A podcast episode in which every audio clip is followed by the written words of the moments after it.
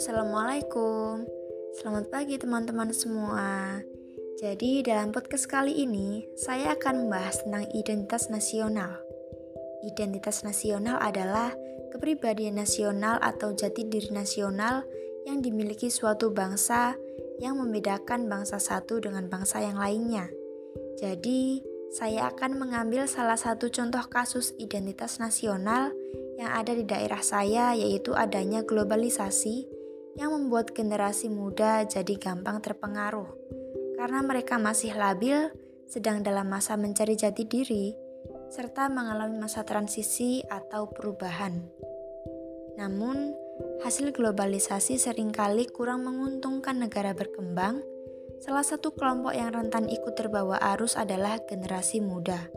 Contohnya, mereka sering membolos, terlibat aksi tawuran, Bahkan ada yang pernah mengkonsumsi obat-obatan terlarang dan lain-lain.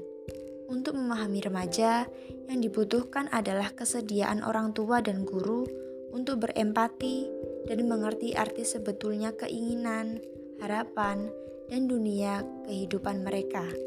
Tanpa adanya pemahaman yang mendalam terhadap kehidupan remaja, niscaya yang dilakukan hanyalah tindakan menghakimi atau sekedar menyalahkan mereka sebagai anak nakal yang tak patuh pada nasihat orang tua.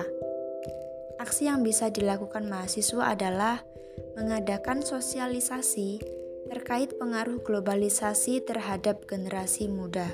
Sekian, wassalamualaikum warahmatullahi wabarakatuh.